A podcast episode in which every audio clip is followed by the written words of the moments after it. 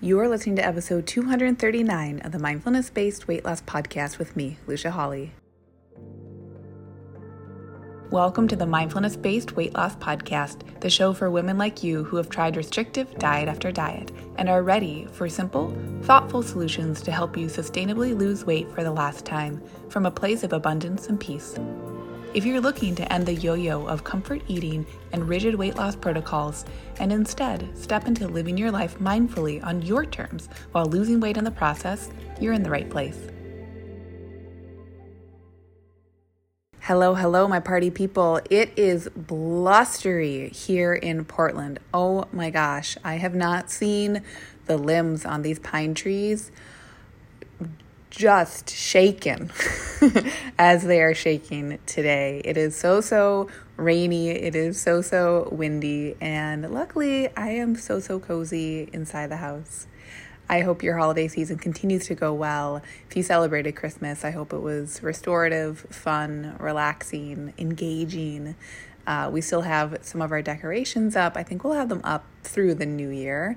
Don't have a hard and fast plan about when we're going to take them down. Probably when the tree starts to look a little crispy and crunchy. and it's so sweet. I know everyone has a different experience with this time of the year, which, you know what? On social media, I noticed, at least with the types of accounts that I follow, so many people were saying they were kind of disclaiming their holidays, you know? And I'm finding that a lot of us are having to, dis- or feeling the pressure to disclaim what we think when we're sharing publicly, which can be so helpful. And also, I don't know, as adults, like, I think we're all allowed to understand that every year will be a different experience of the same season. Some Christmases may be wonderful, some Christmases may be more stressful, some may be boring. And some may be a combination of those and so many other feelings. But I think that gets to be part of. It's like it's like back to school season or it's like the summer or spring break or fresh start new year new you vibes of January. You know, like every season hits every person a little bit differently. So, no matter how this season appeared for you, I just hope it was exactly what it needed to be without you having to do a lot of thinking about it. Because guess what? Today's subject is being here right now. All that means is allowing yourself as much or as little as you prefer because you're the thinker of your thoughts you're the owner of your thoughts, even the ones that come up really, really suddenly. You don't have to control them. If as a reminder, you don't have to control them. They're just going to pop in, pop out. It's like it's like if you have a dog or a cat or any other animal and you have ever spent some time sitting watching them dream. You know that you you can't control what your dog dreams about. Your dog can't even control what it dreams about. And imagine if your dog felt pressure to control what it would dream about. What would you tell your dog if you could talk to dogs? You'd probably say, lighten up, it's okay. Those dreams don't mean anything. You just get to be along in the experience of dreaming dreams. It's very similar for us humans. In fact, that example was simply a visual because I do think it is helpful actually. And I use that example pretty frequently. I've had different podcast episodes where I've talked about, um, we, there was actually a particular podcast episode where I was really using, like, listen, if let's say your pet that you loved, let's say your pet, their vet really asked you to help that pet lose a couple of pounds, how would you do so lovingly? I'll link that episode. I'll find it and I'll put it in the show notes. It was a great listen. I had really wonderful feedback after I posted that episode. And I think it's because a lot of us who have pets and animals and creatures it's can feel a lot easier to turn towards and tune into our own wisdom and common sense when we're thinking about in this particular instance body weight, fat loss, health and wellness it can be a little more approachable to consider some of these subjects when they're not about us in particular. So that's why I like to use examples of animals at times because it's so easy for us to naturally be in that loving feeling for animals. Even if you don't have a pet, a lot of us can still move towards that loving really, really readily.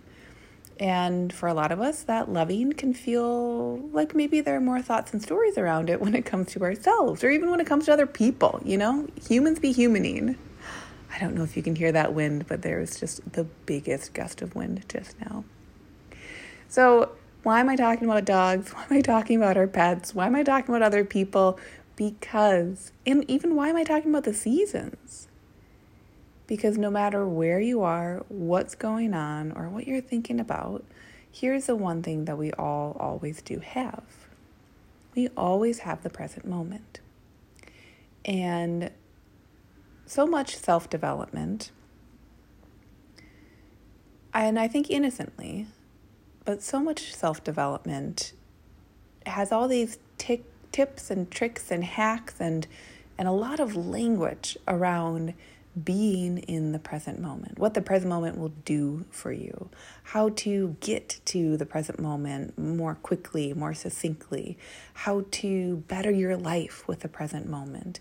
A lot of how to's, a lot of instructions. And while there's a time and place for that, and that's good and fine. I simply want to honor and perhaps remind you, teach you. I don't know. I don't know. I think remind you. I think a lot of this stuff we actually knew as little kids. A lot of being an adult is just coming back into these principles that are naturally within us. But I want to honor for you that being here right now, you're already really good at it. It's not something that you have to practice that's going to be brand new.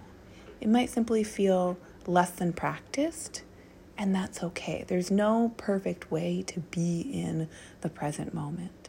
Now, what does the present moment offer us? Well, my God, it's it's actually what life is. I don't know another way to put it. All it can offer us is exactly what life is. A lot of us spend our days and weeks and months thinking about the future, pushing towards goals, which is incredible and beautiful. And many of us also spend a lot of time in the past, either trying to decipher it or decode it or grieving it or celebrating it. But all that actually is true, truly, for our life experience is what is happening in the present moment. So being here right now means that we're meeting the messiness of life in its magnitude. And in its, I think it's Geneen Roth who has this phrase, and maybe it's even a book of hers, I'm not sure, but this this messy this messy magnificent life. And i just find that such a beautiful phrase and that comes from her not from me. But this messy magnificent dare i say magical life is lived in the present. And the present moment includes, listen to this, it includes our brains naturally moving us to the past and naturally diverting us to the future. Why? Well, in my course, I teach you about why that is, and I'll talk a little bit about it here too. When we are alone with our thoughts, which can happen even while there's a lot of stimulation happening. But when we're alone with our thoughts, there's something in our brain called the default mode network, also called the DMN. And the DMN activates when we're remembering the past, when we're thinking of the future, and also when we're thinking of ourselves and or when we're putting ourselves in others' shoes. So it's entirely normal for your brain to wander. In fact, the human brain is wired to wander. Why? Because that is what has helped the human brain continue to evolve by helping us stay safe and survive. So, the default mode network activates in order to create distance from our environments in an effort to keep us out of danger. So, a few other words that can be helpful when you're thinking about the default mode network. So you're thinking about the past, you're thinking about the future, you're putting yourself in other people's shoes, or you're really focused on yourself, is rumination and having a bias towards negativity. So instead of feeling like you have to fix those natural human aspects of yourself, ruminating on the next diet, ruminating on why it's easy for one person to eat a lot of protein and maybe not for the other person, being negative about why some people really seem to tolerate carbohydrates well, having a negative bias towards the number on the scale, trying to motivate yourself negatively by beating yourself up to get yourself into the gym, having less than kind thoughts about yourself, or having less than th- kind thoughts about other people. This is perfectly human, 100% natural, and the way I have found, and that research backs up, to be here right now in the present moment is to no longer try to fight, downgrade, or fix that activation of the default mode network. How does that sound to you when you hear, oh, when I'm left alone with my thoughts, I no longer have to try to fix them? I don't have to have better thoughts. I don't have to have thoughts that help me work out more or help me eat a healthy diet or help me lose 20 pounds. Does that take some of the pressure off? Because guess what? If you're always just trying to force a better thought, if you're trying to force kindness towards yourself, I mean, we all know what happens when you try to force anyone to do anything. It's not natural, it's the opposite of natural. And that then becomes its own cycle of thoughts and worries and concerns and nitpicking. So, truly, to melt away dieting, to allow yourself to just be, which may be uncomfortable. You might have a lot of thoughts about just being. I like today, what I want to be offering you is first off that understanding of your default mode network, the DMN, that place in your brain that naturally, and from a human standpoint, like the little stressy, some people I think like to call it like their squirrely brain, little stressy brain that kind of whoop comes online. Instead of trying to self development yourself out of that brain, what if leveraging the power of the present moment, which is simply a return to what is happening? And I'll tell you a beautiful way to return to what is happening is just tune into your senses. It can be any sense that is most readily close to you, what feels natural, maybe what doesn't even feel natural, but goddamn, give it a go. You can look out the window. What do I see? You can really assess what room am I in? What's on that counter? Is there a counter? What color is it? What is the texture of, for instance, I'm looking at my Christmas tree. What is the texture of the Christmas tree?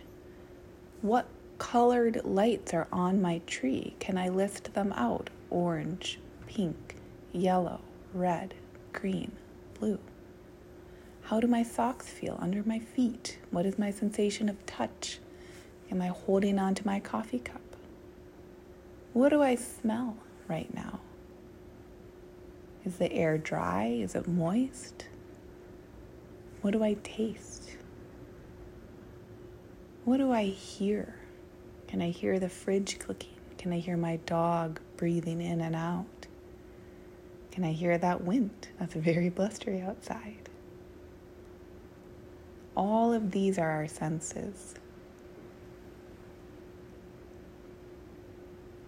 And they simply help us drop into the here and now. When we drop into the here and now, we're it's almost like a system override in a gentle and loving way to that default mode network. Because when we drop into the here and now, we're also then telling our brains, hey, you don't have to be on the lookout. You don't have to be thinking about the future or planning what happened from the past. You don't have to be putting yourself in other people's shoes. What if I did what they did, right? You don't have to be thinking about yourself so much either. And there's a difference between thinking about yourself and being in tune with your senses. Those are different. When we're thinking about ourselves, we're in our brains a lot. We're getting very brainy. We're comparing ourselves often. We are trying to, it's almost like trying to figure out like where we are positioned in life in order to again reclaim that I like I think ideally and innocently our brains are trying to reclaim a sense of safety. Okay, here I am, this is what I'm doing, and so this means that and that means that. That's very different than that embodiment of our senses. Oh, here I am right now with my wool socks on, feeling the carpet under my feet. Here I am right now with my legs crossed and my calf is starting to fall asleep. Try it out yourself, and, and you might just notice a difference between those two. So, when we're being here now, this also applies to when we're with our meals. That's why you might have heard advice in the past before to eat when you're sitting down, to eat without watching TV or being on your phone.